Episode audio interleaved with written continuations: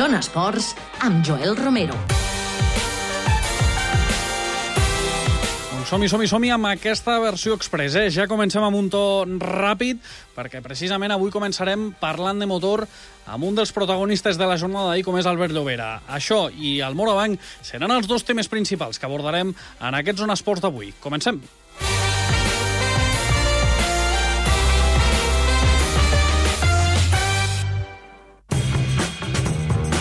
Zona Motor. Doncs efectivament, ho comentàvem ràpid, que ni m'he presentat ni he presentat el nostre company all-star, el Toni Escur, però evidentment aquí estem, el rookie del Zona Esports i Toni Escur al vostre servei, i comentàvem el fet d'anar ràpid perquè ja ens escolta el pilot Albert Llobera. Bona nit. Hola, bona nit. Eh, Albert, no sé si felicitar-te, dir-te que em sap greu, perquè finalment no, no aniràs al Dakar. Què és exactament el que t'he de dir? Bueno, jo crec que eh, hi ha moltes coses al món també per fer, saps? Que no... El, la, un dels objectius era aquest, però si no s'aconsegueix i en podrem tindre alguns altres, jo crec, saps? I la qüestió és anar-ho treballant i anar refent, saps? Si no recordo malament, tenies dues opcions, eh, Albert. Dedueixo que cap de les dues va fructiferar, ni el camió ni, ni el buggy. Sí, sí, sí. El, teníem dues opcions, una que era el buggy, un buggy nou, que justament ens van trucar quan pujàvem a l'última carrera del Mundial de Rallycross, al l'Oreac, a dalt de tot de la Bretanya. Mm. Van trucar a l'equip on vaig córrer el 2014 i 2015. I, I de fet vaig era... a veure i, i efectivament tenien, tenen quatre buggies nous que fan molt bona pinta, tipus com els Peugeots, i bueno, estàvem buscant pilots, justament, i bueno, sí, estaven encantats de que hi anés. I els del camió, doncs, ja per què dir-t'ho, no? Perquè ells s'han quedat molt encantats, sempre tenen moltes ganes de que hi torni, mm. i ja existien aquestes dues possibilitats. Potser em tirava més al del buggy que al del camió aquest any, perquè eh, el Dakar d'aquest any serà molt amb arena, molt reduït, i de dies i de, i de quilòmetres, no? I quasi tot serà amb arena, no? Per això tampoc no ens sap tan greu, no? Perquè l'arena se'm dona molt bé, perquè és una miqueta com si anéssim amb Neutova, mm. però realment també on guanyo més que els altres és amb carretera. Amb carretera oberta soc bastant més ràpid que, el, que els altres pilots i llavors doncs, allà sempre guanyo més. Sí, suposo Llavors- que l'experiència també és un punt, no, eh, Albert, en aquest sentit? Sí, ap aprofito molt la, tot el que he après amb ral·lis i amb rallycross i tot, no? I Llavors, com que amb ral·lis i amb rallycross es roda sempre molt, molt ràpid, el Dakar no és, no, no és tan ràpid, i llavors tu mateix ja t'hi fiques una miqueta als, als límits, no? Perquè, clar, el, el, el camió o el buggy l'has de portar al lloc després de 800 quilòmetres, no després de 50 o de 100, o de 100 no? Ja que cremes potser massa, massa les naus abans d'hora, no? Sí, si, si vas amb un ritme de, de mundial, doncs eh, normalment el, el, el- l'engine que portes, tant si és el camió o si és el buggy, se'n ressent molt, l'has de l'has d'anar cuidant, no?, una miqueta. En canvi, amb els, amb els ral·lis i amb el rallycross, tal com surts és sempre a tope i quan tornes els mecànics se n'encarreguen de reparar-ho el més ràpid possible. Però al Dakar no tens mecànics allà, saps? Els tens a finals de cada etapa. Tu sempre has dit, Albert, que sempre eres més de velocitat i explosivitat que no pas de paciència. Sí. Suposo que això, eh, vulguis o no, també et beneficia en el sentit de que tens més opcions a banda del Dakar, evidentment. Sí, sí, a part de que tinc un jefe d'equip que a Fiat que, que em diu que no sé què faig al Dakar, no? perquè soc més, soc més aviat estripador que conservador. No?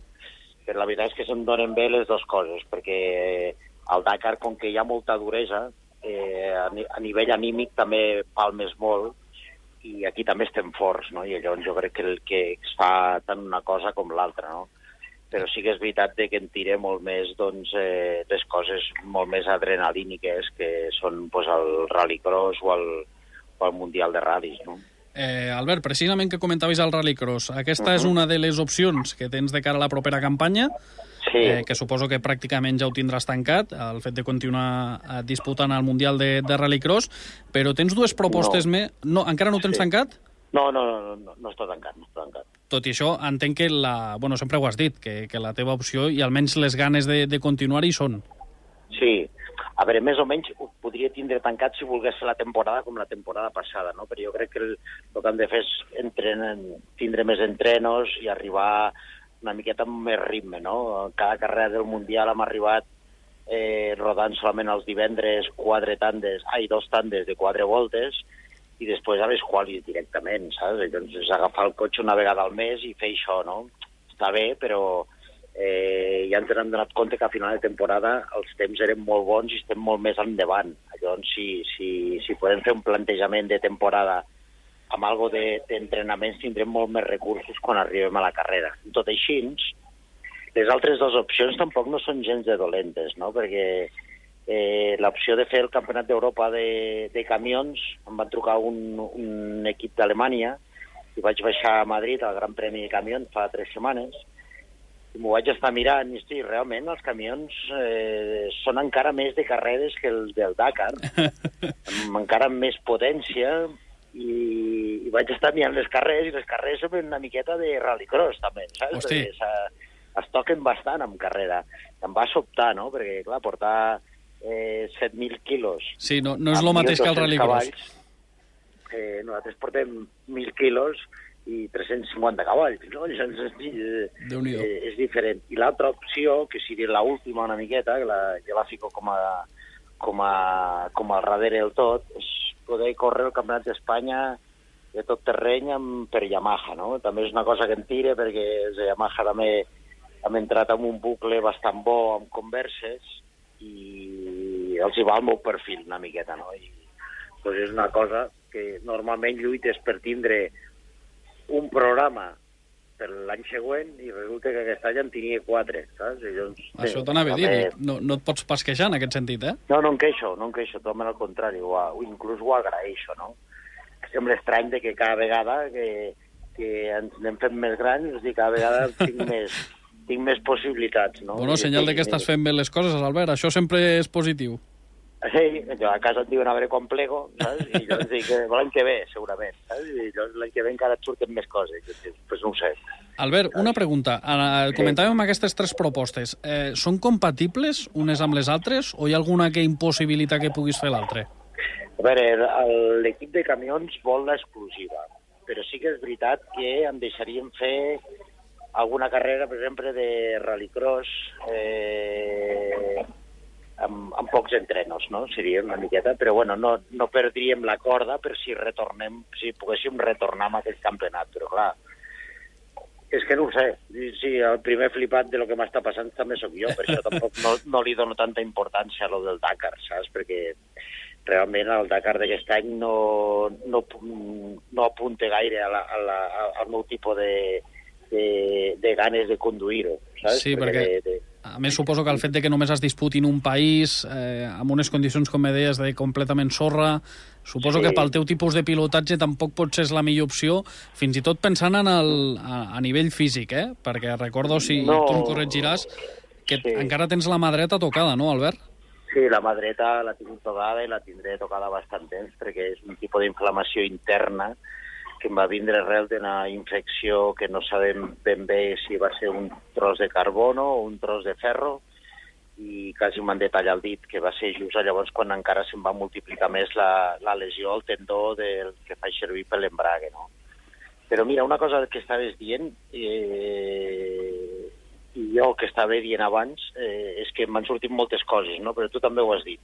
Eh, no hi ha molts pilots, bueno, primer que no hi ha cap pilot amb la meva característica que faci tot el que faig, saps? Ah, això, és, això segur. Eh, asfalt, terra, arena, tracció delantera, quatre rodes, bugui, camió, saps? Llavors, I neu també. O no, I neu també, que no me n'oblido. I neu també, saps? Que l'any passat vaig fer neu per primera vegada i vaig guanyar dos carreres, saps? No, no. També, hasta jo mateix també em vaig quedar una miqueta sobtat, no? De, de, per primera vegada provo la neu i de les tres carreres que vaig fer em vaig guanyar dos, i l'altra perquè em van picar i em van arrencar les rodes, i també anava primer, saps? O sigui, hasta jo també vaig ser una miqueta positiu amb això mm, i vaig pensar, pues mira, a mi el que m'agrada és polivalent i, que, i tindre pues, molt bon rotllo amb els equips per això, per tindre alguna porta oberta, no?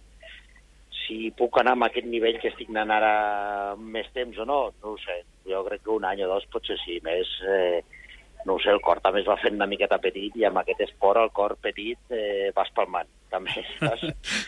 Però no ho sé mai. No... El que sí que puc dir és que m'estic divertint molt amb, amb totes les coses que faig, no solament amb els cotxes, sinó amb la vida normal, i crec que tot, tot encarril amb el mateix, no? Eh, Albert, l'última pregunta que et faig, i una miqueta Sí. així més, més de valoració. Eh, després de tot el que comentaves, que possiblement siguis el pilot més polivalent, eh, suposo que, que jo conec, que coneixen els oients, i segurament, no et diré del món, perquè evidentment sempre hi ha algú que a lo millor Sí, també fa el mateix, ha molts, ha, ha, però, però de ben segur que això no, no ho dubta ningú, que ets un pilot polivalent.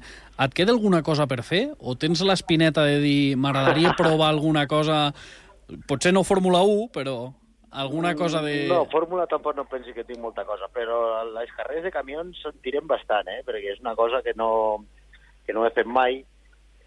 Eh, he fet dos Dakars amb el camió, no sé, eh, és que no tinc ni carnet de camió, saps? No sé, saps? És, ho trobo està divertit, saps? Bueno, eh, no sé. et passa com a Fernando Alonso a l'època, que quan va guanyar els campionats no tenia ni, ni carnet Sí. de conduir.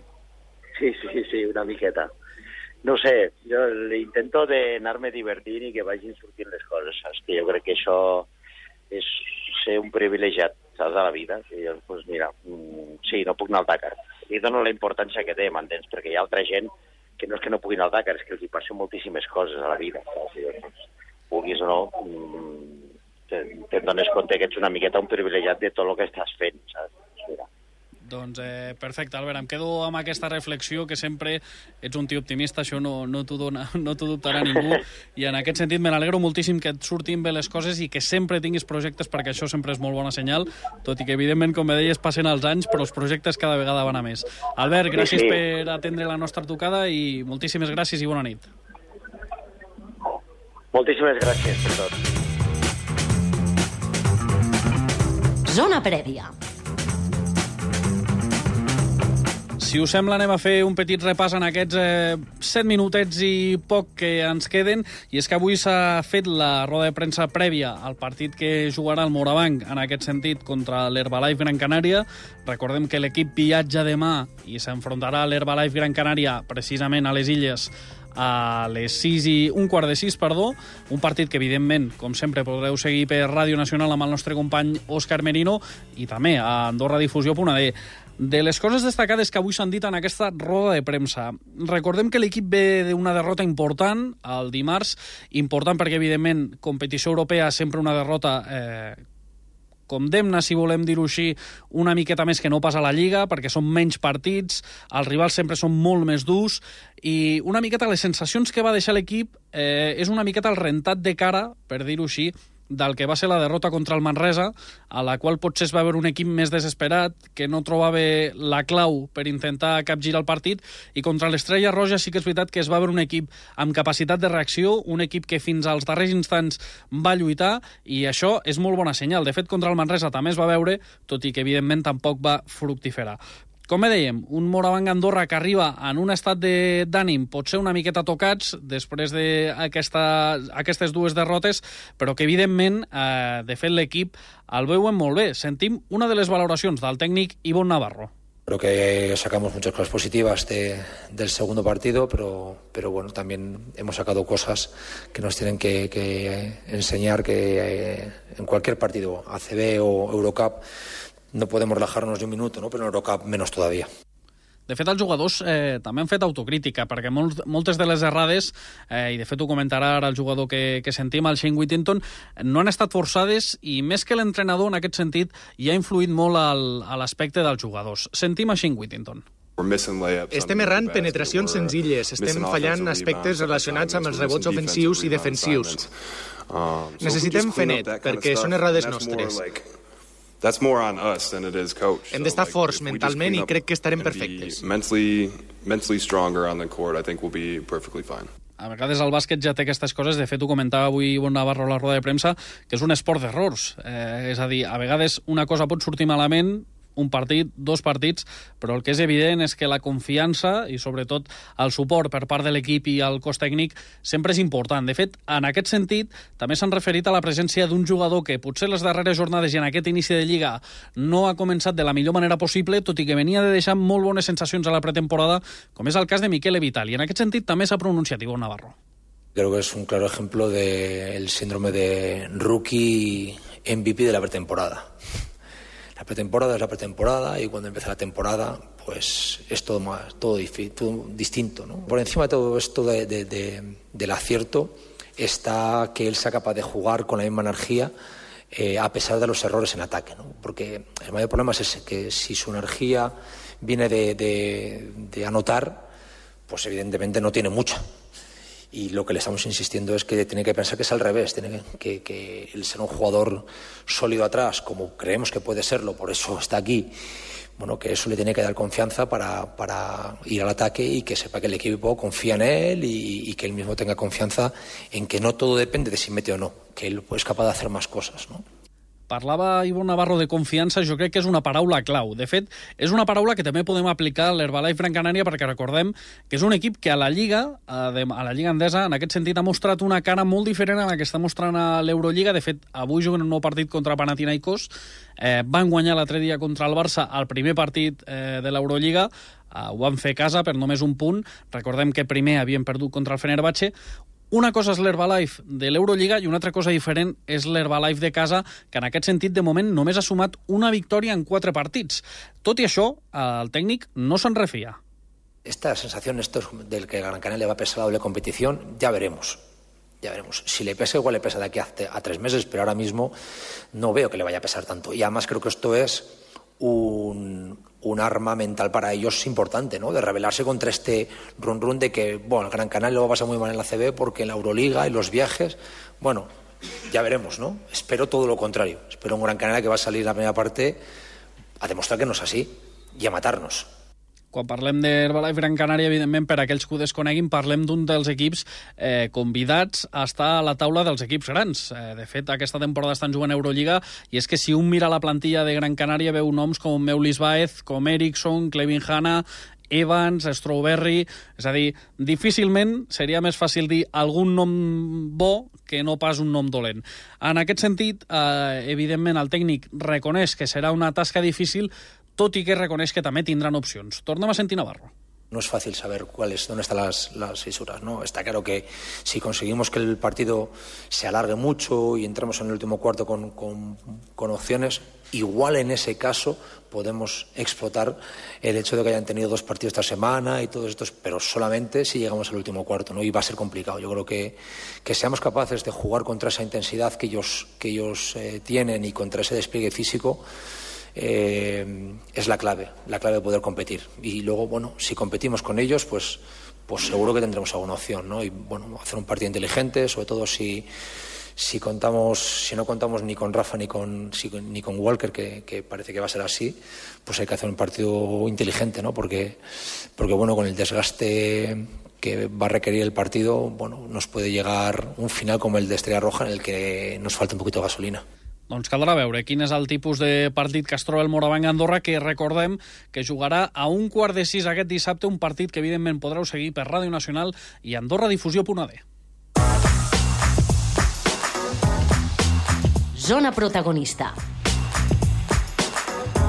El protagonista d'aquest Zona Esport d'avui és Joan Verdú, perquè ha decidit no prendre la sortida a la primera Copa del Món que es disputarà a Solden, Àustria, el 28 d'octubre. De fet, ens ho explica el mateix perquè no ha decidit competir que no correré mm, a la primera Copa del Món, a Solden, no per un motiu físic ni, ni pel genoll. Eh, en aquest sentit, doncs, estic, estic molt bé, mm, no, no, no tinc cap molèstia, eh, ben recuperat i estic entrenant eh, fort, però creiem que porto pocs dies d'esquí respecte als altres corredors i seria una decisió precipitada doncs, anar, anar allà perquè bueno, eh, fer una, una Copa del Món eh, s'ha d'estar al 100%, no, no, no, no té sentit anar a, anar a mig gas allà i bueno, finalment amb l'equip tècnic hem decidit que, que ens prepararem bé per, per la següent, que serà als Estats Units.